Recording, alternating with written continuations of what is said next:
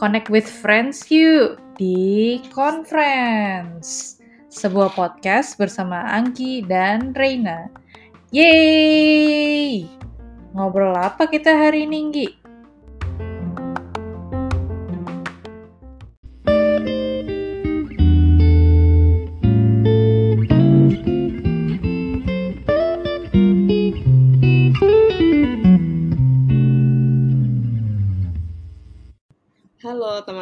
Conference semua. Ketemu lagi bersama Anggi dan Reina. Kali ini kita bakal ada episode baru. Kira-kira bakal bahas apa ya? Kita bakal bahas soal drama Korea lagi. Yeay. Kemarin mungkin udah pada denger episode tentang Hospital Playlist atau belum? Kalau belum, dengerin ya. Nah, sekarang kita akan bahas drama lain yang kita udah tonton. Kira-kira apa ya? Apa ya? Pokoknya tungguin terus, dengerin terus di Spoiler Alert. Spoiler Alert. Spoiler Alert. Spoiler Alert.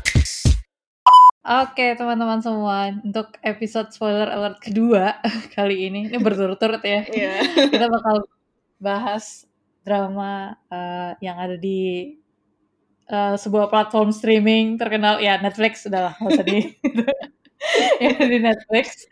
Uh, judulnya ekstrakurikuler kalau dalam uh, bahasa Inggrisnya. Uh, Koreanya Ingan Swap uh, Human Lesson ya, literal translationnya. Ya, itu sebenarnya tapi mungkin dalam bahasa Korea itu sebenarnya ekstrakurikuler kan yang di, oh, enggak, tapi Ingan itu atau enggak? human. Orang kan? Uh, uh, swap itu lesson atau kelas.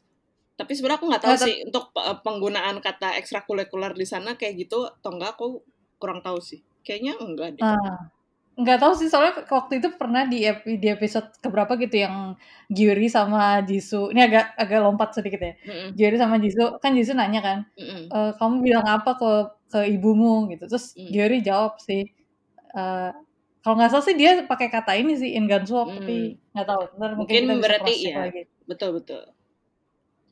oke Eh, ya itu jadi drama yang kita bahas adalah ekstrakurikuler Tadeng! Nah, mungkin uh, kalau yang belum pernah lihat kayak posternya atau ngelihat trailernya, uh, mungkin kalau dari judulnya itu nggak nggak menjelaskan ya isinya apa gitu.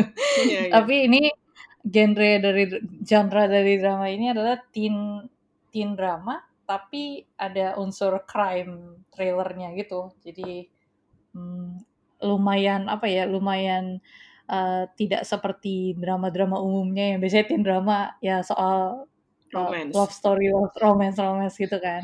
Nah ini kayak agak lebih dark side of the drama genre. Em, sutradara sama writernya mungkin bisa dikenalin juga. Sutradaranya namanya Kim Jin Min. Eh, ini yang pernah nulis, eh, eh yang pernah ngedirect uh, Lawless Lawyer sama Marriage Contract. Kayak, surprisingly aku nggak pernah nonton dua-duanya. Aku juga nggak pernah. sih. Angki pernah? Oke, oke. Jadi ini eh, mungkin drama perdana kita yang yang kita tonton dari sutradara ini ya. Iya.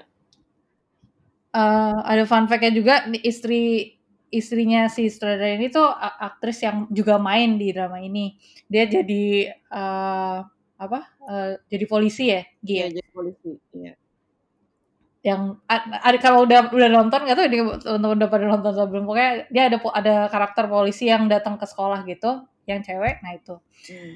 Terus writernya ini Jin Hanse Iya. baru pertama kali nulis drama ya, Gi? Iya, kalau baca-baca sih dia rookie writer sih. Oke, oke. Terus ada fun fact-nya juga mungkin lagi bisa ada Tambahan Eh, dia untuk writer. Oh ya, untuk writer ini dia tuh ternyata adalah seorang putra dari seorang writer veteran. Eh, aku juga ini karena dapat dari nyari-nyari ya. Eh, nama Hmm. writernya Song Jina. Eh, kayaknya kalau baca filmografinya tuh udah dari tahun 80-an gitu. Eh, hasil-hasil drama de- karyanya. Eh, tapi salah satu karya dia yang paling baru, paling recent yang aku tahu sih Healer. Ren nonton Healer nggak sih? Hmm. Tahu tapi nggak nonton. Oh. Canggu kan? Iya Ji Chang-wook. Aku nonton sih. Oke. Itu genrenya bukannya juga kayak agak trailer juga enggak ya? Atau- Hmm, hmm, itu genrenya apa ya? ya action ada action crime gitu. crime-nya gitu ya, ya, ya, action gitu ya Ah, ya ada crime-nya sih. oke ya mungkin ada influence ke Iya. anaknya gitu kali ya oke Bisa jadi, bisa jadi. menarik menarik menarik oke deh Mm. Oke, itu tadi udah judul sama drama writernya sama genre-nya. Tapi untuk kayak deskripsi singkat, sinopsis ya, sinopsis dari drama ini sebenarnya intinya jadi tokoh utamanya itu seorang em, cowok anak SMA. Dia itu kayak apa ya eh, di sekolah tuh kayak pinter banget gitu kan, kayak top student gitu. Cuman sebenarnya dia di balik itu dia menjalankan sebuah bisnis ilegal atau sebutannya tuh apa ya, compensated dating. Iya. ya eh, itu apa kata halusnya sih tapi intinya adalah dia menjalankan uh, bisnis ilegal berupa uh, sex trafficking lah istilahnya. Um, Terus ditayanginnya di ya tadi dari kita sebutin tuh di Netflix. Kayak waktu itu keluar tanggal berapa ya? Oh tanggal 29 April. Dan itu langsung keluar 10 episode. jadi jadi nggak ada yang namanya nunggu-nunggu um, uh, per minggu nunggu satu episode jadi bisa langsung waktu itu kita langsung tonton semuanya bisa gitu. Em, udah tentang dramanya mungkin sekarang Anggi bisa coba kenalin kali ya kayak yang main siapa sama tokoh-tokohnya. Saya mungkin pemainnya pernah main di drama apa? Oke, mungkin kita sekarang perkenalan dengan cast-nya dulu ya. Eh, sebetulnya Hmm. cast-nya ada beberapa banyak sih. Kalau misalnya kita nonton dramanya, biasanya kan ada intronya tuh di Netflix itu kayak ada beberapa apa cast-nya siapa aja. Tapi sebetulnya yang main cast-nya itu ada empat. Jadi ini yang berperan sebagai siswa semua. Eh, pertama itu eh, eh, Kim Dongi eh, sebagai Oh Jisoo uh, dia previous projects-nya itu 18 series. 18 jadi 18 ada sat, 18 1 sama 18 2. Uh, satu 2000 tahun dap- 2018, satu tahun 2019. Terus ada Sky Mhm. Castle, mungkin pada tahu udah pada nonton juga uh, tahun 2019. Uh, dan Itaewon Class yang paling terakhir 2020. Uh, fun fact-nya semua drama dia sukses dan uh, dan dia beneran cuman main drama yang aku sebutin dong itu tadi. Jadi semuanya sukses. Bahkan Sky Castle dan Itaewon Class itu adalah uh, rating tertinggi di uh, channel JTBC di Korea. Uh, tertinggi kedua ketiga. Sebelum tadinya Sky Castle Sky Castle pertama tapi udah Oh. udah longsor gara-gara uh, drama pelakor yang baru saja selesai. Ya tapi gapnya lumayan jauh sih. Uh, tapi dramanya bagus. Uh, terus yang 18 series itu juga dia web drama tapi untuk ukuran web drama lumayan sukses sih. Uh, kayak udah ditonton jutaan jutaan penonton. Dan aku juga udah menghabiskan nonton itu semua. Tapi emang bagus-bagus Wow. sih. Tapi emang bagus-bagus jadi mungkin yang tertarik silakan nonton. Terus uh, di drama ini dia berperan tadi kan sebagai Ojisu. Dia tuh di sini sebagai murid teladan tapi ya ternyata dia punya bisnis rahasia dia bertindak kriminal untuk bertahan hidup dan untuk mencapai mimpinya dia. Apakah mimpinya? Mungkin nanti kita bahas. Eh, terus kita ada eh, Jong Dabin sebagai Somini. Tapi ini sebetulnya main cast-nya rata-rata namanya yang kita belum pernah denger ya. Kok jujur aku Hmm. sih belum pernah dengar kecuali Kim Dongi Eh, karena aku udah itu udah nonton Sky Castle duluan.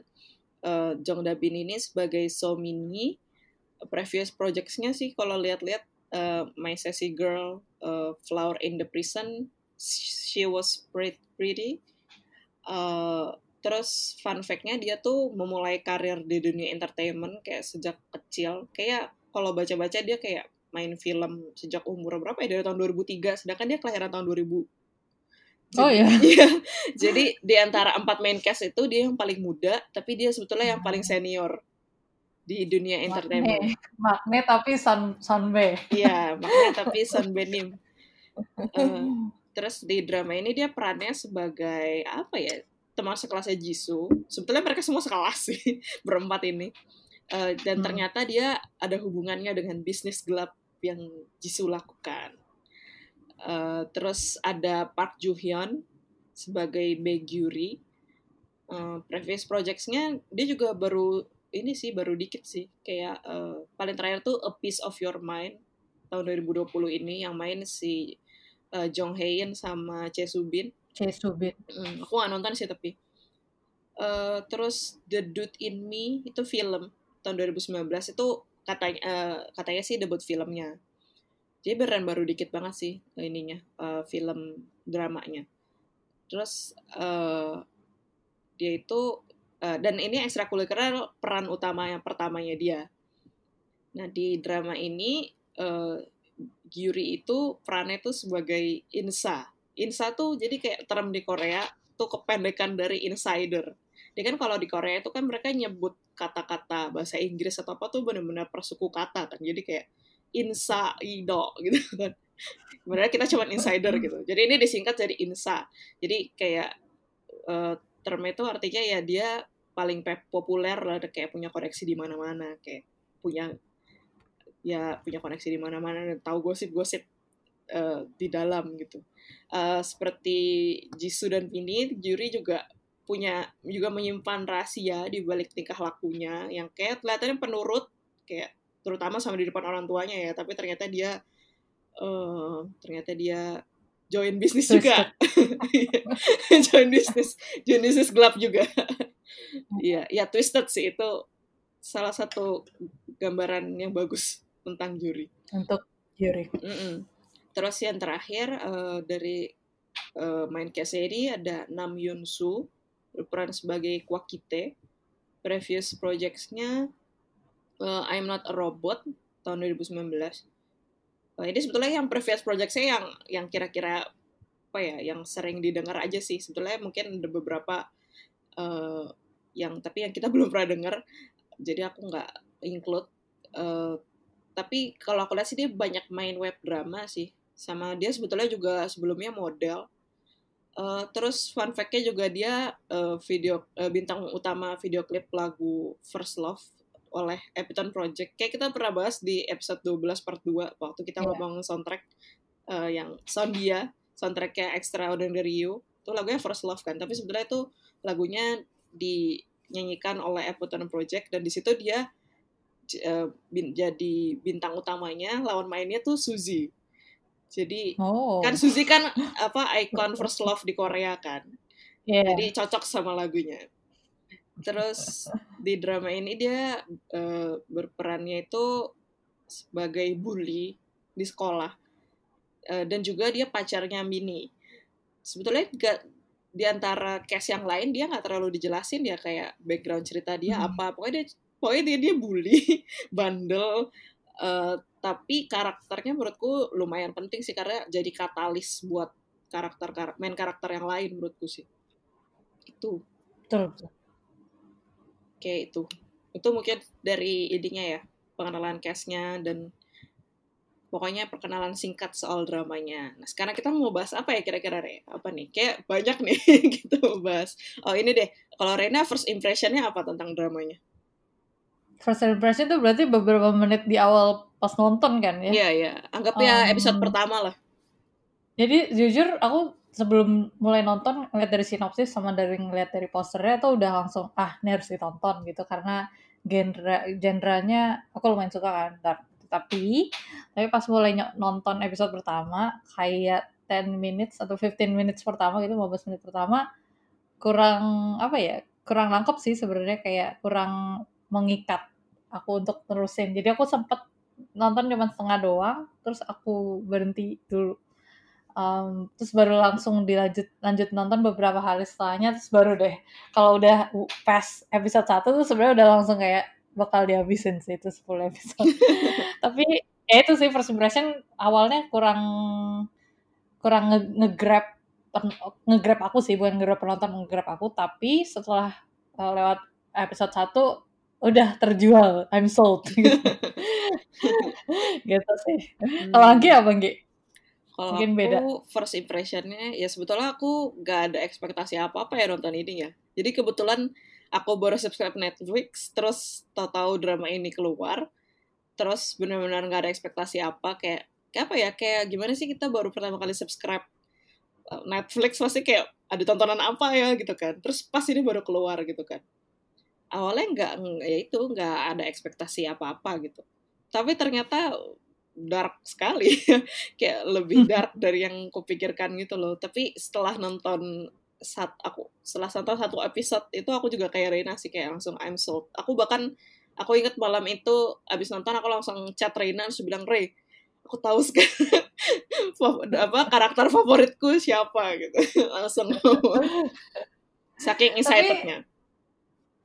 episode satu tuh kalau menurutku emang agak apa ya kalau kita belum tahu ekspektasi apa apa agak langsung dark gitu. Maksudnya ini contohnya aku agak agak agak menyebut explicit scenes ya. Mm-hmm. karena ini kan topik yang diangkat di series ini kan lumayan sensitif lah ya. Mm-hmm. berat. Uh, misalnya explicit scenes yang kayak ada adegan BDSM gitu yang pas episode 1 itu aku kayak langsung kayak aduh lanjutin nonton kayak kayaknya agak disturbing. Terus yang Isil Chang, Mr. Lee itu ngepukulin nge ngebit walaupun nggak di, nggak dilihatin secara eksplisit sih, tapi tuh kayak lumayan apa ya? Itu dilihatin orang itu dilihatin orang yang udah berdarah-darah sih, nggak dilihatin Iya, makanya. oh, oh, tapi tetap aja disturbing dan mungkin karena um, ditayanginnya di Netflix ya, jadi kayak nggak hmm. ada sensor dari hmm. apa? Biasanya kan ada dari public public broadcast channel itu kan ada hmm, sensornya hmm. dulu kan itu nggak ada jadi mungkin kayak uh, agak agak hmm. harus kuat sih nontonnya kalau orang-orang nggak terlalu suka denger um, apa umpatan-umpatan terus kayak yeah. ada ada explicit scenes uh, di uh, beat beat orang berdarah-darah gitu-gitu mungkin agak uh, harus tahan.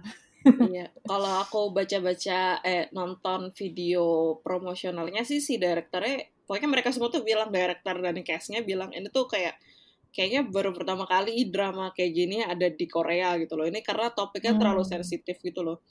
Dan Betul. karena mereka di Netflix, jadi mereka tuh bebas mau benar-benar mengekspresikan tuh bebas. Karena kalau di ya itu kayak tadi Rena bilang di broadcasting station kayak mungkin ada apa mereka terbatas scope-nya gitu loh.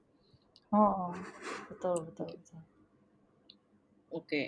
Terus apa lagi nih? Uh, mungkin tadi kan episode, apa episode kemarin kita bahas charm point dari drama. Mungkin Rena, menurut Rena apa charm point dari drama ini? Tadi sih sebenarnya kayak udah kita obrol ini kayak charm pointnya itu topik yang diangkat sih. Kayak hmm, hmm. ini tuh yang yang yang dijadiin tokoh-tokoh utama itu anak-anak ya masih di bawah umur legal nggak sih mereka? Iya iya, kan? mereka masih mid. Uh, terus kayak terus um, bisnis yang dijalanin juga kayak what? Masa anak umur segini ngejalanin bisnis kayak gini? Gitu. Terus itu yang bikin charm pointnya. Jadi jadi aku agak angkat topi untuk uh, director sama writernya yang berani ngangkat topik kayak gini uh, dikemas dengan oke. Okay. kayak ini tuh berber apa ya riskan banget gitu kalau dikeluarin di terutama mungkin di negara-negara Asia kayak Korea gitu. Mm -hmm. jadi itu sih charm pointnya. Karakter-karakternya juga kompleks itu yang aku suka sih. Hmm. sebetulnya dia juga sekarang lagi ada di Korea lagi ada case yang uh, baru keluar tentang mirip-mirip kayak gini juga sih mirip-mirip cerita dramanya. Jadi Rena pernah dengar gak yang end room case? Pernah, yang di ada di Telegram kan dia yeah, Telegram nah, channel di Telegram. Itu ya. Uh, iya katanya ya kayak gitu kayak kan sebetulnya uh, topik yang diangkat kan mirip dan uh, ya agak sensitif kan. Cuman sebetulnya uh, katanya sih mereka syutingnya tuh dari uh, summer 2019. Tapi kan si kasusnya itu baru mulai muncul 2020 kan. Jadi sebelumnya mereka juga kaget gitu loh. Jadi kayak kok bisa sama gitu, kok ada kesamaan. Tapi menurutku ya ini sih, maksudnya apa ya? Moral story-nya banyak yang bisa diambil sih. Betul, betul. Semoga orang nggak ngeliatnya ini kayak cuman buat nyari sensasi doang gitu loh karena oh pas nih ada ada topik yang sama gitu loh. Tapi sebetulnya ini banyak yang bisa diambil sih. Iya. Merasa. Cuman agak agak bahaya juga nggak sih ini kayak kalau misalnya ditonton sama anak-anak anak-anak ya yang kayak misalnya udah ya itu anak-anak seumur Jisoo gitu-gitu dan hmm. tapi untungnya dia tuh jadi setiap mulai episode atau setelah akhir ya akhir, jadi akhir, ada tulisan gitu yeah. di tulisan kayak if you need any help bla bla bla please contact bla bla itu mungkin hmm. untuk kayak nge-avoid trigger sih karena yeah. kita iya. nggak tahu kan kondisi betul, betul. orang yang nonton tuh kayak gimana karena ini lumayan triggering sih ini iya, iya. seriesnya Iya, kayak lumayan. ah, kalau nggak stable bisa lumayan men-trigger takut ada macam-macam gitu tapi mudah-mudahan Hmm. sih enggak sih cuman Hmm. kalau kita ngelihat pers itu sebenarnya seriesnya topik yang diangkat tuh ini banget apa namanya eh relevan banget dan dia juga moral yang dikasih tuh bagus banget gitu dikemas Hmm. jadi Hmm. setuju sih sama Setuju, setuju, Gitu. setuju. Um, apa lagi kita bahas? Ag- Agi punya karakter favorit Uh, atau udah tahu ya pasti si tadi Eh, Ojitu Iya, sebetulnya ya aku mungkin oh tadi aku juga ini ya belum ngasih tahu ya. Menurutku cara poinnya apa? Cara poin drama ini ya aku setuju sama Rena itu soal karakternya. Karakternya kompleks. Karakternya mungkin yang dengar episode sebelumnya bilang ya aku suka karakternya semua relatable, manusiawi, nggak ada yang benar-benar sempurna, nggak ada yang benar-benar jahat gitu loh. Kalau di sini juga menurutku eh gimana ya nggak ada yang nggak hitam putih sih semua abu-abu jadi abu-abu uh-uh. Jadi apa ya meskipun Jisoo itu eh, dia top student bla bla bla tapi di belakang dia ternyata berbuat jahat. Bukan berbuat jahat ya berbuat kriminal. Ya nggak tahu sih apakah kriminal yang dilakukan itu jahat. Sebenarnya aku sampai sekarang masih nggak tahu sih isu kayak gitu terlalu sensitif. Eh, tapi aku ya karakter favoritku Jisoo sih. Karena aku suka karena dia kompleks. Apa ya dia tuh eh dia tuh menurutku lebih lebih apa ya daripada Gyuri. Jadi kan kayak biasanya kan stereotipnya cowok yang lebih kuat tuh lebih eh, cewek yang lebih bukan yang lebih lemah maksudnya kayak lebih filler gitu kan merasa lebih perasa Hmm. gitu kan. Tapi dia tuh menurutku kebalik antara Jisoo dan Gyuri gitu loh. Jadi Iya. kayak Jisoo yang lebih perasa dan Gyuri tuh yang lebih kayak tinker gitu. Tapi menurutku ada alasannya kenapa mereka kayak gitu. Kayak ya mungkin ini pernah dibahas juga di drama ya kan kayak Jisoo pernah marah Jisoo sering banget ngomong-ngomong ke Gyuri kayak menurut menurut lo ini, ini hidup gue mainan buat lo gitu kan. Atau ya lu selama ini cuma di belakang layar doang nggak pernah ngerasain di uh, di, apa ya di saat itu gitu loh. Tapi menurut aku aku setuju sih karena ya ya itu Jisoo mungkin karena dia udah capek udah apa ya tapi dia tuh bertahan hidup dan dia tuh pengen apa ya benar-benar niat mencapai mimpinya tuh benar-benar terlalu besar gitu loh. Sampai kejahatan dia meskipun dia tahu itu jahat dia tutup tutupi gitu loh. Saking dia ingin mencapai mimpinya itu. Oh, ya mimpinya itu adalah eh, kalau dikutip dari episode 1 dia tuh pengen eh, lulus lulus eh, lulus SMA lulus Oh. kerja eh lulus kerja lulus kuliah cari kerja hidup normal dan mati normal. Dan Mm-mm. itu dan itu kayak mimpinya gede banget gitu loh buat dia. Karena dia benar-benar hidup sendiri bapaknya gambler ibunya nggak tahu ke mana. Jadi apa ya eh kayak dulu aku kasihan sih lihatnya mungkin. Nggak tahu sih.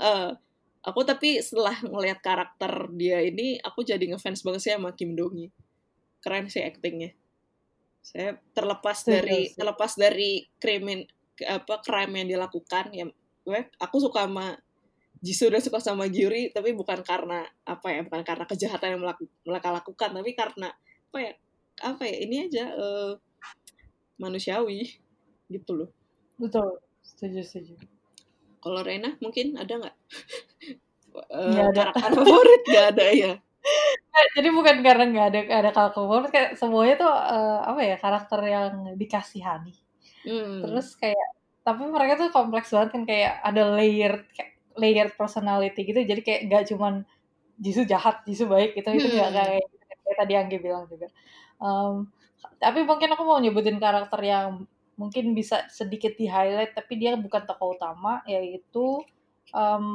aku nggak tahu namanya siapa tapi dia homeroom teachernya Jisoo sama Oh. Yuri Joe Em, Mr. Joe Mr. Joe Mr. Cho. dia itu apa ya sebenarnya ini, ini mungkin agak sedikit bahas ke karakter eh, apa personality mereka ya. Jadi aku menganggap kalau anak-anak di series ini itu sebenarnya kenapa bisa kayak gitu, kenapa mereka jadi kayak ngelakuin hal kriminal gitu karena mereka nggak ada eh, apa orang adult orang tua yang kayak dia bisa look up mereka bisa look up tuh gitu kayak Hmm. untuk jadi panutan gitu lah. Ya contohnya Jisoo. Jisoo orang tuanya dua-duanya double kan yang satu gambler yang satu nggak tahu ke mana. Terus eh, Gyuri juga orang tuanya kayak cuman fokus ke yang penampilan anaknya di luar secara superficial tapi nggak nggak nggak nggak memahami apa ya secara mental psikologi. mental state-nya mental dia. Ya nah terus ini tuh karakter si homeroom teacher ini si Mr. Cho itu terus sebenarnya kayak kandidat adult yang bisa kayak care gitu sama mereka cuman nggak tahu ya mungkin Hmm. dia uh, to some extent belum bisa nge-intervene nge-interfere dengan uh, situasi Jisoo dan Giri misalnya contohnya gitu. Tapi aku Mm-mm. nge-highlight itu kayak misalnya contohnya yang ada kepala sekolah ngadain razia itu nggak tahu sih episode berapa ya, udah lupa. Hmm.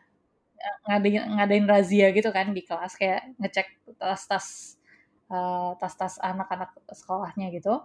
Nah itu terus dilindungin gitu sama uh, Mr. Chow ini kayak ini tuh privacy mereka nggak boleh kayak gitu. Jadi kayak dia tuh kayak tetap melindungi walaupun uh, walaupun tuh masih anak-anak gitu. Jadi kayak tetap menghargai kalau anak-anak tuh juga punya choice gitu Hmm. si Mr. Chow itu. Itu aku ya highlight karakter aja sih, tapi bukan karakter favorit. Karena kok uh, agak agak apa namanya? frustrasi juga sih sama setiap karakter sini kayak "Eh, kenapa sih harus kayak gini gitu kenapa sih Jisoo tuh kayak gitu gitu ya Iya, gitu sih iya. setiap nonton tuh kayak jadi hmm, kalau ditanya karakter favorit nggak ada sih kayaknya Iya. Ya kayaknya emang gak Gitu. ada karakter yang bener ya itu yang kayak bener-bener likable ya nggak tahu sih bukan likable gimana ya ya kayak sulit sih menemukan karakter yang benar-benar apa ya karena mereka semua ada kekurangannya masing-masing gitu loh. Iya. Nggak ada yang jahat bener-bener juga nggak sih? Ya mungkin si siapa sih yang tatoan itu yang siapa namanya dia? Ryu Ryu Ryu Deo Ryu Deo. Yaudah, yang, yang agak ag- double tapi itu mungkin tuh kalau misalnya ditanya series ini ada villainnya siapa dia kali ya yang Iya. kelihatan kayak villain tapi sebenarnya main villain juga ya gitu deh ribet tapi sejak series itu keluar kayak itu benar-benar langsung oh this escalates very quickly kayak tiba-tiba ya benar Semuanya banget. Kayak sejak ya sejak dia keluar sih. Menurutku episode paling berat itu episode awal-awal. Itu pas pokoknya aku paling berat nontonnya itu pas yang duitnya diambil bapaknya sih, duitnya Jisoo diambil bapaknya. Itu nggak kuat Hmm. banget kuat. itu parah sih itu. itu sakit sih, tapi kayak apa ya, scene-nya tuh bagus gitu loh di ininya di shootnya. Di directnya tuh bagus. Eh, bener-bener kayak detail kecil kayak eh, hermit crab-nya si Jisoo keinjek. Iya. Ya, terus apa ya itulah yang mereka tatap-tatapan di eh, pas mau nyebrang. Terus bapaknya iya pas nyebrang aduh tapi aku kan udah nonton ekstrakurikuler kan udah selesai. Tapi aku lagi nonton lagi. Tapi sebetulnya aku kira untuk nonton kedua kali itu akan lebih mudah. Tapi ternyata enggak karena aku apa ya udah tahu kalau itu agak-agak disturbing dan agak-agak berat. Jadi apa ya sulit sih. Ya menurutku kayak bagian terberat dramanya itu pas diambil duitnya sama pas udah mulai si gangster muncul itu udah kayak oh udah sakit kepala. Jadi kalau aku sih pribadi menyarankan jangan di binge watch pelan-pelan aja nontonnya. Ntar Betul, kalian betul. capek. Itu sih. Aku binge watch langsung besok besok besoknya tuh kayak udah what the gitu kayak udah series apaan ini gitu. Tapi aku juga habis nonton kayak move onnya lama loh aku sampai begadang sampai nggak tidur sampai sahur loh. Itu jadi aku nontonnya tuh pas pas puasa terus sengaja nggak mau siang-siang nontonnya habis sholat raweh terus kayak awalnya cuma satu satu satu aja deh tiap hari terus kayak setiap jadi setiap hari tuh tiga tiga tiga. Terus capek gitu loh nontonnya Iya emang emang ini sih kayak ngekuras pikiran gitu nggak sih setiap abis satu episode nonton gitu. kuras emosi banget sih Hmm, kayak kita betul. kayak merasa apa ya menurutku kayak sebetulnya banyak celah di drama ini untuk Jisoo itu tobat gitu loh kayak misalnya eh, kalau eh, di awal-awal episode kayak kan si Jisoo waktu udah uangnya hilang mesti nyari kerjaan lagi kan sama si Mr. Cho tuh ditanya kayak kamu kenapa eh, cerita aja gitu kan. Tapi si Jisoo tuh yang defensif gitu loh yang kayak Um, Mm-mm. kayaknya Sonsen apa Sonsen dia nggak bisa bantu apa-apa gitu. Tapi akhirnya di akhir cerita udah akhir-akhir kan dia baru kayak aku boleh ini nggak cerita nggak gitu. Iya. tapi aku eh, aku udah kayak oh, oh, oh ada eh, bagus lah bagus lah dia mau tobat. Tapi kayak ceritanya tuh nggak mengarahkan ke situ loh. Jadi sebetulnya eh, hebatnya drama ini adalah kesannya meskipun ini dramanya kok kayaknya takutnya triggering buat anak-anak gitu yang nonton tapi sebetulnya nggak ada satupun scene yang membenarkan eh, apa yang mereka lakukan Hmm, menurut Rena gimana? betul. Iya betul, betul sih itu. Emang nggak pernah ada kan yang bilang Hmm. anak-anak ini melakukan hal yang benar atau kayak ini excusable karena situasi mereka kan nggak pernah ada gitu kan yang di Iya. scene situ. Iya benar sih. maksudnya eh, mungkin nggak bisa dijadikan excuse tapi bisa jadi pembelajaran kalau oh ternyata kalau misalnya orang-orang yang orang non tua kayak kalau mereka berlaku seperti itu tuh anak-anak bisa kayak gini gitu loh. Jadi Hmm, menurutku ini dramanya bukan memberi pelajaran kayak ngasih contoh tapi eh ngasih contohnya bukan ngasih contoh baik tapi ngasih contoh buruk kayak ini contohnya kamu Hmm, jangan ngelakuin ini gitu loh. hmm, betul betul betul. Menarik ya. Mm-mm. Mungkin Cara ngemasnya itu juga. hmm, Rena mungkin ada scene atau quotes memorable juga kah? Kalau aku kan scene scene ya itu tadi yang di, diambil duitnya sama bapaknya itu nggak ada obat sakit itu. Ini yang paling aku inget sampai sekarang karena aku udah lama juga kan yang terakhir nonton itu pas em Jisoo tuh udah mau ketahuan terus dia tuh sampai menggigil sampai pokoknya dia sampai stres banget itu yang di yang dia di kamar itu kayak udah bingung mau ngapain gitu gitu itu apa ya eh, karena karena dia kan kayak mungkin dire- direkturnya pingin kayak ngasih efek betapa lamanya waktu itu bagi Jisoo karena dia tuh kayak harus mikirin apa yang harus dilakukan setelah itu kayak udah menyerah gitu-gitu kan Mm-mm. itu aku paling inget itu dan aku angkat topi untuk eh, siapa namanya Kim, Kim Dong Hee. Iya itu aku juga sih. Kim Kim Dong Hee untuk kayak di situ actingnya itu bener wow untuk dia umur berapa ya Dong Hee ini? Dia kelahiran tahun 99. Eh, Berarti dua dua satu dua satu dua dua dua dua di Korea. Iya kan?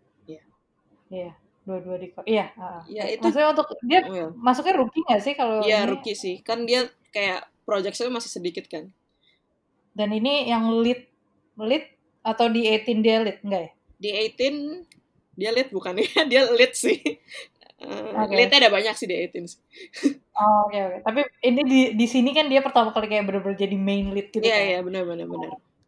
Dan Jadi untuk iya. orang rookie itu actingnya oke banget sih di scene itu. Yang Iya. sampai dia uh, eh keringetan Iya. sampai kayak bingung mau ngapain gitu. Bener, Ah, bener, bener. itu kita re- relate banget gak sih pas iya kita iya. Gitu. It- itu juga Keren dah. aku juga mau highlight adegan itu adalah detail banget actingnya Kim Dong Hee itu kayak sampai kalau kita perhatiin dia tuh hidungnya eh, kayak ngil- apa ingusan gitu. Hmm. kayak dia sampai keringetan nangis sampai itu kayak wah keren banget sih. Aku juga selalu ingat adegan-adegan mau dia lagi pendek kayak gitu.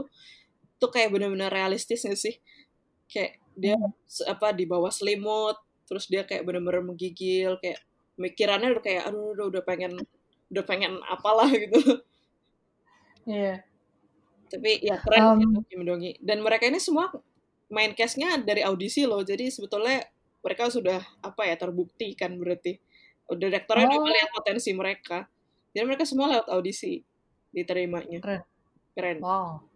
Keren keren. Ini kayaknya mereka bisa jadi kayak apa ya? a stepping stone gitu nggak sih Mm, ini? Jadi mungkin nanti mereka project-projectnya bisa lebih uh, challenging lagi. betul betul Um, ada sih uh, scene scene bukan scene sih kayak series of scene yang sering kali dimunculin di seriesnya adalah um, mimpi absurdnya Jisoo. iya Kayak yang waktu dia tiba-tiba mau ngubur Mini, Mm-mm. terus ternyata uh, badan yang dikubur tuh badan dia sendiri itu kayak Mm. atau aku agak agak suka sama scene itu karena itu metafor banget iya kayak iya iya nge-foreshadow future gitu kan iya tuh betul kayak ya di akhir episode ternyata dia mencelakakan Mine di di akhir nggak tahu tuh Mine mati atau enggak enggak sih kayaknya Iya, tahu kalau sih. menurutku sih enggak sih. nggak tahu ya kita Hmm. Iya. Eh, iya sih, mimpi-mimpinya iya sih. Kayak bener ini sih. Kalau aku sebagai orang yang kalau lagi gelisah suka mimpi aneh-aneh ya bisa relate sih. Jadi kayak bener-bener iya. Kayak bisa aneh-aneh gitu loh mimpinya ya itu salah satu detail sih kayak aku suka aja sih cara direct direkturnya juga apa ya menjelaskan state of mindnya si Jisoo tuh kayak gini kalau abis kayak gini gitu. Jadi kita kan kayak Betul. ya poinnya lebih ke mainly Jisoo kan kita kayak kurang apa ya nggak menyorot kayak karakter lain mereka tuh keadaannya gimana gitu kan. Hmm, mungkin karena cuma 10 episode juga kali ya, jadi kayak nggak hmm. bisa semuanya di cover. Tapi bagus sih dengan 10 episode hmm. uh, jadinya pack gitu. Kita kita hmm. tetap tetap harus nonton gitu karena cuma 10 episode gitu. Hmm. Oke. Okay. Terus apa nih? Mungkin kita bisa bahas apa diskusi apa mungkin ada yang diskusi diskusi diskusi yang ingin dibahas uh, tentang drama ini. Kalau aku ada, menurut Reina uh, perlu ada season 2 atau enggak? aku uh, mungkin aku minoritas kali ya, tapi aku menganggap endingnya itu udah uh, open, hmm. cukup open untuk menonton bisa kayak bikin ending sendiri gitu loh kayak uh, ya terserah mau Jisoo sama Giri udah ditangkap atau Jisoo Giri berhasil kabur itu kayak terserah bayangan penonton gitu ya kalau ada season 2 hmm. aku nggak nolak sih untuk nonton kalau Anggi berharap ada season 2 kan? Kalau aku berharap ada season 2 sebetulnya lebih ke uh, aku setuju kata Reda karena sebetulnya season 1 tuh udah apa ya udah kalau endingnya kayak gitu udah oke okay menurutku. Cuman apa ya aku pengen apa ya aku pengen tahu akhirnya gitu gimana gitu. Dan sebetulnya lebih pengen kayak tahu sih eh, pengen tahu akhirnya tuh apa ya gimana sih writernya itu bikin akhirnya apakah Jisunya tuh gimana Gyuri tuh gimana. Karena sebetulnya tindakan yang mereka lakukan tuh irreversible kan kayak udah nggak bisa nggak bisa di, diputar lagi loh nggak bisa diulang lagi loh. Itu udah kejadian. Hmm. jadi gimana apa ya aku pengen uh, kasih tahu gitu gimana caranya uh, mereka remaja-remaja ini tuh kayak melanjutkan hidup mereka gitu loh. Karena simply speaking kalau misalnya case udah kayak gini pilihannya antara Jisunya di penjara terus dia dikucilkan masyarakat dia apa gitu. Tapi aku kayak pengen apa ya ada cerita redemption gitu loh. Hmm, kayak oke okay, okay, dia tetap dia tetap dihukum tapi setelah itu tuh apa ya ada cerita lain kah gitu yang mungkin bisa mengajak viewers atau mungkin para remaja yang bermasalah juga gitu untuk kayak oh nih kamu bisa kayak gini memberi harapan ke mereka gitu loh. Bisa bisa bisa bisa. Mungkin kita tunggu dulu ya apa konfirmasinya. Belum ada konfirmasi kan ya bakal ada season 2 atau enggak? Uh, belum ada sih tapi kalau baca-baca interviewnya mereka sih uh, kayak mereka sebetulnya ending season 1 tuh kayak dibikin mereka shot berkali-kali gitu dengan beberapa alternatif. Oh, jadi okay. jadi uh, apa ya season 2 ya jadi mungkin dia makanya endingnya kayak gitu karena dia membuka kesempatan buat season 2 tapi secara uh, uh, uh, secara nggak langsung juga itu apa ya menutup season 1 kayak ya kalau misalnya itu stand alone juga nggak apa-apa bagus gitu loh. Hmm. Kita tunggu aja ya. Betul. Yes, semoga. Kalau hospital playlist aja tahun depan, berarti ini tahun depan juga. Tapi Netflix emang biasanya standarnya tahun setahun sih. Ini ini apalagi kalau ekstrakurikuler kan Netflix eksklusif kan kayak nggak ada di mm. channel gitu. Jadi ya expectnya mungkin setahun. Iya. Yeah. Gitu.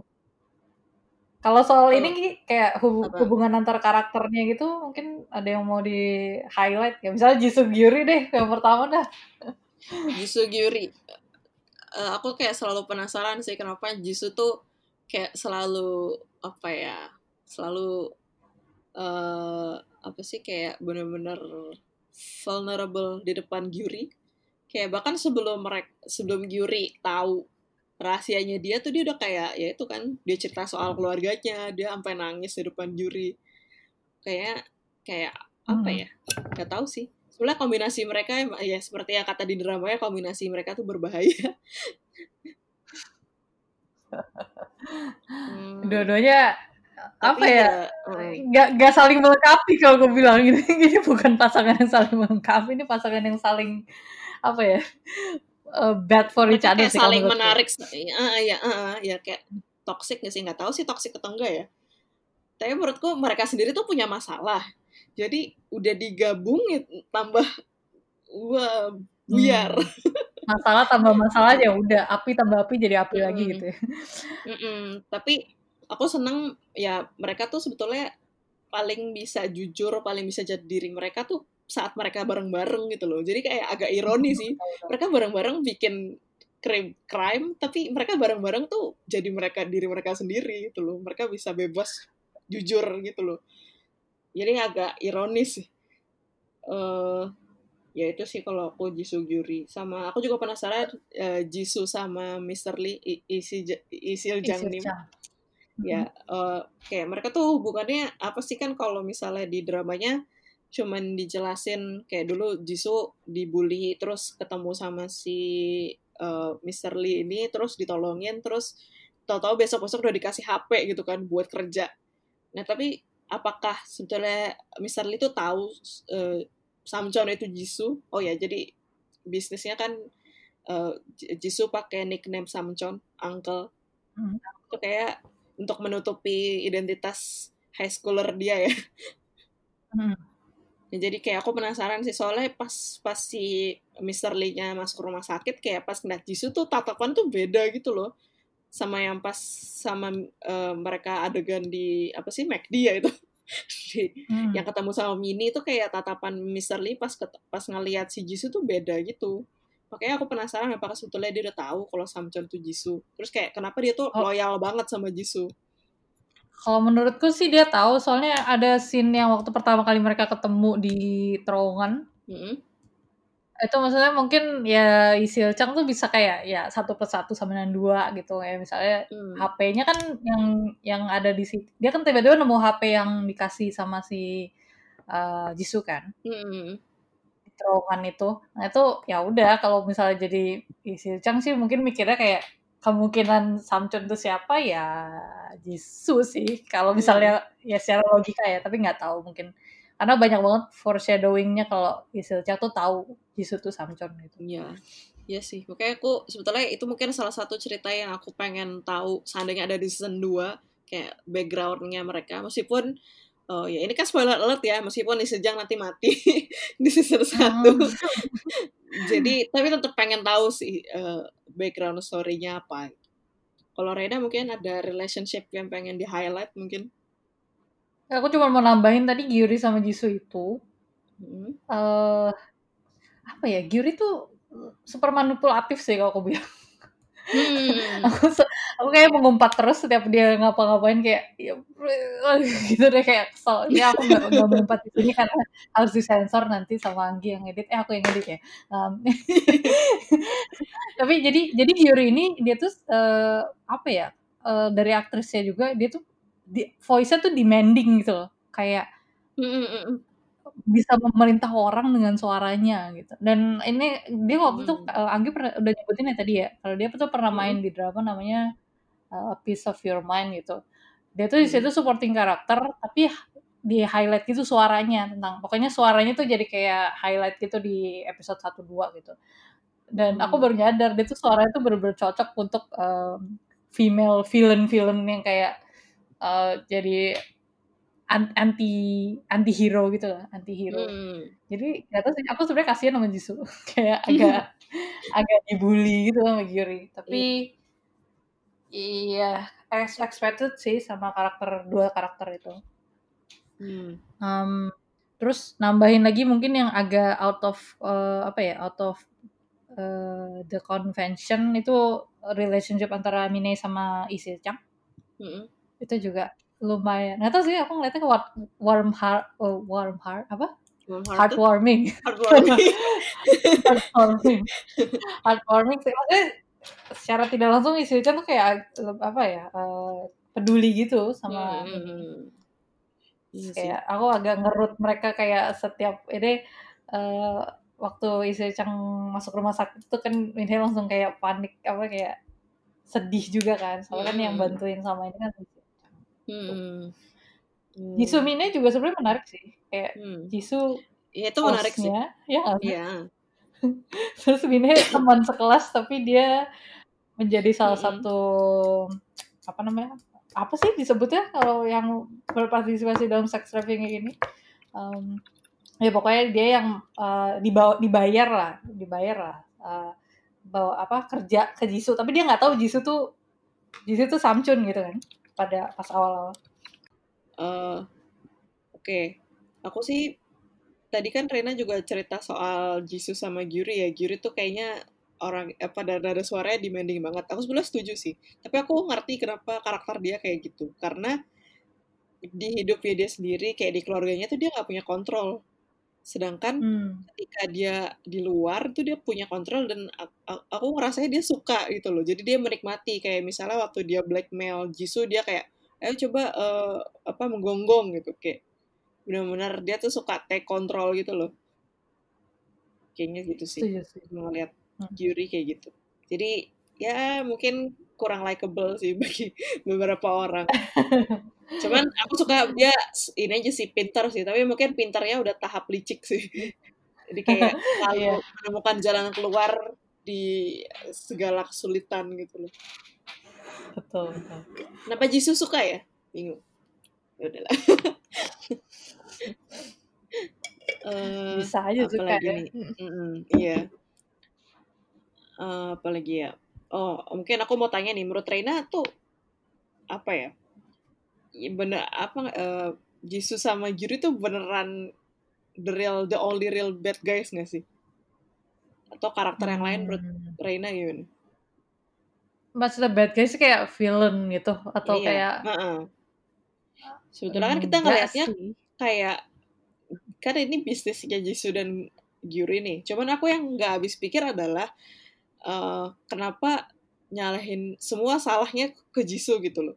Ya, dia salah, cuman maksudnya kayak Mini meskipun dia tobat di akhir-akhir, tapi uh, ini semua dimulai dari dia gak sih? Awal dia kerja tanpa perlindungan dan mesti ditolong hmm. tuh semua kayak semua series kejadian yang tidak sampai dia ketahuan dan sebagainya itu gara-gara dia gak sih? Hmm, gara-gara Mini ya kalau kita lihat. Uh, hmm. Apa ya? Tapi itu bukan root masalahnya nggak sih? Kayak iya. Minhe kerja tanpa per, perlindungan itu bukan rootnya, tapi itu kayak dari satu masalah ada masalah lagi gitu kan. Mm -mm. Masalah utamanya adalah Jisoo menjalankan bisnis yeah. sex trafficking dan Minhe itu underage itu sih masalah utamanya nggak sih? Iya itu ya aku ngerti itu masalah utamanya tapi maksudku lebih ke sebenarnya Minhe itu juga ada andil dia punya salah juga gitu loh. Iya iya emang nggak salah nggak salah Jisoo 100% Minhe hmm. Minhe kan dia sendiri kan yang punya apa ya konsen kalau dia hmm. mau kerja sebagai apa uh, compensated dating lah apa itu lah. Hmm, iya. Bahasa bagusnya sih itu. Bahasa bagusnya itu. Um, hmm. Ya, jadi kalau bisa dibilang Jisoo sama Gyuri yang salah, ya sebenarnya ini ini kan kayak udah kejahatan banyak ter, ter, melibatkan hmm. banyak orang. Jadi bukan mereka berdua doang sih kayak Jisoo, hmm. Gyuri, Minhee itu sama yang um, aku mau menyebut katanya tapi apa ya pla, pla, pla, pla ya yang lainnya teman-teman Minhi lah teman-teman Minhi hmm. teman-teman Minhi uh, hmm. terus Isil Chang juga termasuk kan maksudnya dia juga salah satu pelaku hmm. uh, kejahatan jadi sebenarnya dia kayak banyak orang yang melakukan kerja kriminal ya udah jadi nggak bisa kayak nyalahin cuma Jisoo sama Yuri atau Jisoo doang gitu sebagai hmm, benar-benar benar kalau menurutku gitu. Ya menurutku ya, ya menurutku tapi ironisnya adalah uh, kayak hmm. kita kita itu dibully. Aku kayak pernah baca ini di drama bin sih ada yang komen kayak ironis gitu kayak hmm. kita kita, kita mini mereka tuh bandel siswi bandel ngerokok lah uh, bully tapi pada akhirnya mereka yang melawan orang-orang jahat gitu dan orang-orang jahatnya adalah hmm. si Gyuri dan Jisoo dan mereka sebetulnya tampilan depannya itu adalah murid teladan gitu loh jadi kayak uh. kita tuh beneran ah. nggak bisa nggak bisa judge book by its cover gitu loh hmm, Iya gak sih? Karena kan itu tapi kita bully bully nih tapi dia hmm. terakhirnya dia yang nyerang gangster gangster itu kan iya malah aduh itu itu uh, adegan apa sih itu itu Gyuri yang manggil kan kayak menipu itu Gyuri yang manggil kita nah, itu manipulatif banget tuh cewek bingung tapi tapi menurutku itu cerdas banget sih cerdas banget yang dia lakuin yang dia Iya, nuker HP parah parah. supaya Samcon ini dikira itu Deyol itu menurutku pintar banget sih. Cuman ya sebetulnya Hmm. Eh, kejadian apa ya kalau kita melakukan kriminal ya pasti akan ketahuan suatu saat nanti gitu loh. Ya tapi ya Hmm. dia nemu aja gitu cara buat apa ya keluar dari apa ya keluar dari kesulitan tuh dia ada aja gitu caranya. Betul betul. Kayak liciknya apa pinternya dipakainya buat itu ya. Um, tapi tadi komen untuk kayak eh, pendapat yang itu yang apa yang Anggi lihat di apa di drama Beats atau apa itu ya yang tentang ironinya kita sama Minhe yang kena. Tapi itu kalau dilihat dari luar kan. Tapi kalau kita misalnya sebagai nggak tahu sih kalau aku sebagai penonton mau nggak mau kita agak simpati gak sih sama Jisoo sama Juri kayak Benar-benar. karena mereka lebih tokoh utamanya gitu. Nggak tahu sih. Nah itu Eh, makanya aku juga pikirnya sebetulnya mereka nggak satu-satunya yang jahat hmm, gitu loh. ya ya betul betul. Setuju setuju Meskipun ya meskipun hmm, mereka nggak punya masalah keluarga dan sebagainya, sebetulnya nggak bisa itu jadikan justifikasi akan perbuatan yang melaku lakukan gitu. Tapi sebetulnya hmm, ya gitu, ini kayak kesalahan di mana-mana nggak sih? Kayak salah orang tuanya, ninggalin anak-anaknya, anak-anaknya juga udah terlanjur apa ya, terlanjur jauh gitu. Kayak lebih baik apa ya? tetap berbuat kejahatan daripada harus ketahuan gitu kayak nutup-nutup apa gali tutup lubang gitu nggak sih? Iya. Betul sih. Tapi salah lingkungan juga nggak sih juga ini Ya, ini aku salah juga agak diskusi ada ada nggak tahu ini plot hole atau emang sistemnya. Maksudnya gimana sih kok tiba-tiba Jisoo bisa tinggal sendirian gitu? Kan dia kan masih di bawah umur kan?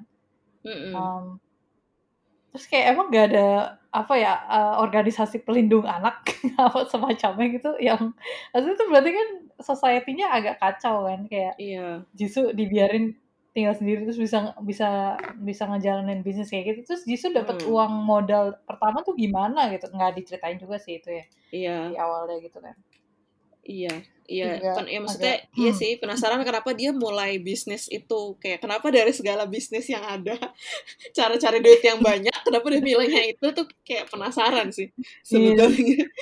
kenapa nggak dagang kue aja gitu Jisoo coba bikin kue dagang kue Oh, ini dagang orang. Nggak paham. Iya kayak dari segala cara nyari duit banyak yang halal kenapa dia milih ini? Mungkin ya karena paling cepet ya dan dia juga kayak realize sudah ngitung gitu. Kalau dia tuh butuh 90 juta 90 juta ya dia bilang 9 juta 90 juta won Iya. buat mencapai mimpinya dia gitu. Tapi apa yang membuat dia sedesperate itu? Apakah karena emang benar dia karena emang merasa tinggal benar-benar tinggal sendiri? Atau gimana Hmm. cuman aku nggak tahu sih kalau di Korea kayak minor gitu apakah bisa dibiarin tinggal sendiri? Kan kalau misalnya kita nonton apa Weathering with You Tenki Noko kan dia tinggal sama adiknya kayak ada Hmm. polisi yang datang gitu kan? Kayak kalian nggak bisa tinggal sendiri. Nah ini kalau ini aku nggak tahu gimana tapi bisa jadi sebetulnya Jisoo ada ada apanya ya ada aturannya tapi ya Jisoo kayak off the radar gitu loh. Dan dia juga duitnya aja nggak disimpan di bank kan? Mungkin dia bakal oh kalau gue nyimpen di bank ketahuan Iya. ntar ditanya gue nyimpen dapat duit dari banyak sebanyak ini gitu loh minor gitu loh kan Nah, ya bisa jadi kayak sih. karena dia off the radar sih terus kan bapaknya juga masih sering bolak balik kan sebetulnya Mm, jadi mungkin mereka registered sebagai masih di satu address gitu ya. Mm-mm. Jadi kayak ya udah nggak nggak ketangkep sama apa tuh eh, yang pelindung anak atau semacamnya. Tapi itu Mm-mm. social worker jadi kasihan, iya kasihan sih Jisoo itu sebenarnya. makanya kasihan sih. Hmm. Eh, Nah, apalagi apa Gi? Ada apa ya apa lagi nih kita sama-sama apa lagi nih apa lagi? Eh, apa kita udah bahas karakternya udah bahas scene-scene-nya udah bahas oh mungkin kita bahas ini kali ya rating personal boleh boleh boleh. Em, kalau Rena mungkin Rena dulu deh satu sampai sepuluh gitu kan ya? iya ya satu sampai sepuluh Hmm, tujuh deh. Belum bisa lebih tinggi dari itu. Iya, Karena kenapa kenapa genrenya ya aku bilang genrenya lumayan unik sih untuk uh, Korean drama tapi ini genre genre yang lumayan nggak apa ya bukan bener-bener out of the box itu masih Hmm. ada film-film lain atau series lain yang kayak gini cuman karena di Korea gitu mungkin karena jadi dia uh, tren bukan bukan trendsetter sih jadinya initiator lah initiator untuk Hmm. genre semacam ini. Kalau tapi mungkin ada uh, aku pernah dengar ada class of apa ya? Class of lies atau apa ya? Pokoknya anak-anak yang Oh, dablek-dablek jahat, dablek-dablek pinter-pinter tapi jadi jahat gitu juga. hmm. Itu ya, jadi aku masih kasih 7. Ya, tu, kalau buatku di atas 5 tuh berarti watchable. Jadi 7 itu bagus sih. Hmm. Um, kalau Anggi? Aku uh, aku personal ngasih 9. Tinggi banget ya. Hmm. Standarku. Kenapa ya? Apa ya? Aku suka banget sih sama dramanya.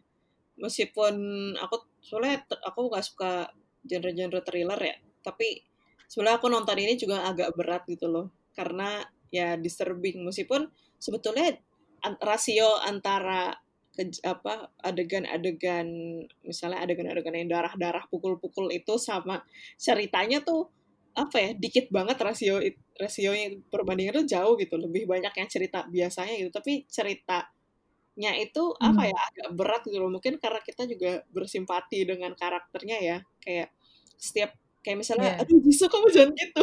Kayak kayak kayak aduh aduh aduh aduh aduh kenapa mereka jadi makin ini makin apa ya makin jauh gitu loh makin berbuat jahat berbuat kriminal gitu. Tuh kayak merasa agak sedih gitu. Tapi sembilan ya karena eh, menurutku ratingnya oke directingnya oke detailed acting acting aktornya meskipun mereka rookie meskipun mereka muda eh, nggak bisa diremehkan menurutku oke banget Eh, terus em, apa ya bahkan sekecil intronya aja aku suka loh si lagunya itu Iya, intronya bagus sih itu. Aku suka intronya bagus sih, kayak singkat tapi apa ya sebenarnya dari intronya itu kita udah tahu Catchy. kalau ya catchy catchy kayak dramanya tuh kayak Hmm. apa gitu loh Eh, karakter-karakternya yang aku bilang karakter-karakternya kompleks sekali gitu Eh, ya sedikit bisa relate meskipun ya itu kembali lagi relate-nya lebih ke kayak apa sih pasti kita sebagai manusia ada punya kesalahan yang kita kayaknya lebih baik eh, lebih baik apa ya menutupi terus-terusan daripada ketahuan gitu. Meskipun ketahuan tuh lebih lega kayak pasti ada aja nggak sih kayak gitu? Tuh kayak ya Hmm. manusia ada aja lah kayak gitulah ya menurutku ya Jisoo kayak gitu. Tapi ya Jisoo ya kayak udah lebih apa ya menurutku dia mungkin terakumulasi kali ya. Kayak kehidupannya Hmm. susah dan dia punya mimpi dan dia jadinya melakukan hal yang begitu ekstrim gitu. Eh, ya aku juga suka ini. Sebenarnya awal aku nonton drama ini gara-gara nonton promotional video mereka. Terus eh, ini apa Hmm. namanya kayak mereka kan masih muda gitu ya. Terus ya lucu aja gitu ternyata mereka eh, in real life beda banget sama karakter mereka di drama. Makanya aku waktu nonton drama kaget gitu loh kok beda banget gitu. Itu actingnya hebat Hmm. sih. Terus kayak promotional videonya Iya. lucu-lucu sih. Kayak kocak aja nontoninnya. Terus aku eh, eh, ini gak ada hubungan sama rating personal sih. Cuman aku eh, berharap ada eh, jadi di Netflix Korea promotional video ini tuh ada ini. Jadi mereka bikin kayak kuliah gitu kuliah. Kayak bikin lecture soal teen crime gitu supaya sesuai dengan tema topik dramanya nah itu yang join di situ Wow. yang diskusi tuh si direkturnya eksekutif produser produsernya writernya aku gak tahu deh Eh, pokoknya main cast-nya empat empatnya sama kayaknya narasumber kayak mungkin profesor-profesor kali ya. Cuman karena nggak ada subtitlesnya, aku nggak bisa ngerti. Tapi sebetulnya kalau misalnya eh, itu ada subtitlesnya, kita bisa nonton, kayak keren sih. Mungkin jatuhnya mungkin lebih bermutu Oh. daripada pembicaraan kita sekarang. karena karena dari ahli-ahlinya juga ikut ya. Iya. Ahlinya juga ikut ngasih lecture-nya. Heeh. Oke. Karena dari ahli eh, mereka tapi sebetulnya aku ngeliatnya bukan karena bukan hanya lecture kayak dengerin ada yang ngomong terus dengerin sih lebih ke diskusi forum gitu jadi aku lihat eh, si Hmm. main cast-nya juga ikutan ngomong kayak ditanya pendapatnya menurut kalian gimana menurutku itu juga bagus sih kita karena si karakter kita jadi eh, tahu seberapa dalam aktor-aktor itu mendalami karakter mereka masing-masing gitu loh si mereka kayak apa ya Hmm. bisa berempati gitu loh kita cuma simpati mereka bisa berempati karena mereka yang mainin karakternya kan itu menarik Hmm. ya aku berharap itu ada subtitlesnya ada yang subs English subtitle karena itu kayak seru sih buat ditonton Kita tunggu ya. Mm-mm. Tunggu Keren, keren, keren. oh Oke terus satu fakta lagi kan ke, uh, di episode kemarin Apa episode kemarin di spoiler alert 1 tentang hospital playlist aku bilang ada drama yang menggeser hospital playlist dari urutan drama favorit kedua versi aku kan di episode 12 Jadi aku ini drama. Iya, betul sekali. Jadi kan aku di episode Jadi ini 12 nomor satu ya, Gi? enggak enggak ini yang nomor 2. Eh, Jadi Nomor kan dua ya, nomor dua. di ya di episode 12 kan aku bilang eh, urutan pertamanya tuh Hotel de Luna, terus kedua Hospital Playlist kan. Jadi sekarang urutan pertama masih Hotel de Luna, belum tergeser, tapi urutan keduanya udah ekstrakurikuler. Jadi ketiga Hospital Playlist Ah, itu sih. luar Mungkin kan biasa. aku terkaget-kaget nontonnya kali Berarti ya. suka banget ya, Gi? Ya suka banget. Keren, keren. Hmm. Tapi ini emang recommended sih. Eh, sangat di luar out of the box genrenya. Hmm. Nggak kayak drama-drama Korea biasa. Dan di Netflix, jadi banyak yang nggak disensor. Mm-mm. Yang which is menurutku penting. Karena kalau Hmm. banyak yang disensor, jadi kurang sih dapat Mungkin ininya. ya pesannya kurang tersampaikan eh, sini. hype-nya. Betul. Mm-mm. Mm. Oke deh. Iya. Ada lagi Gi, mungkin yang mau dibahas tentang Ya, extracurricular? Mungkin udah kali ya kita udah kebanyakan ngomong. Seperti biasa kalau kita ngomongin drama, kalau nggak diberhentiin bakal terus nyerocos. Kayak mungkin nggak selesai. Kalau Rena dari Rena udah juga atau ada yang bertambah lagi? Eh, nanti juga nggak nggak akan selesai, jadi kita udahin dulu ya mungkin kita udahin dulu kali ya obrolannya. Ini eh, segmen eh, spoiler alert. Mungkin di segmen-segmen kita yang lain kayak masih satu episode satu episode, tapi ini baru dan kita udah langsung bikin dua episode sekaligus. Itu kayak menunjukkan seberapa Yoi. senangnya kita ngebahas drama Korea. Jadi eh, tunggu konten-konten kita berik- eh, berikutnya. Mungkin abis ini kita bahasnya selain drama Korea dulu kali ya. Kita bahas hal lain.